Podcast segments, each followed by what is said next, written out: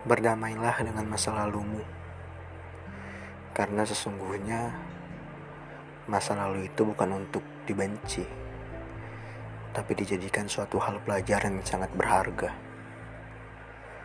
Bahwa kita pernah sebodoh itu, atau mungkin kita pernah sepintar itu. Memang sakit mengingatnya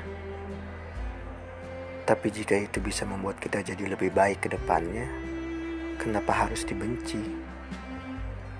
Bukan untuk dikenang, tapi dijadikan suatu hal pelajaran yang sangat berharga dalam hidup kita.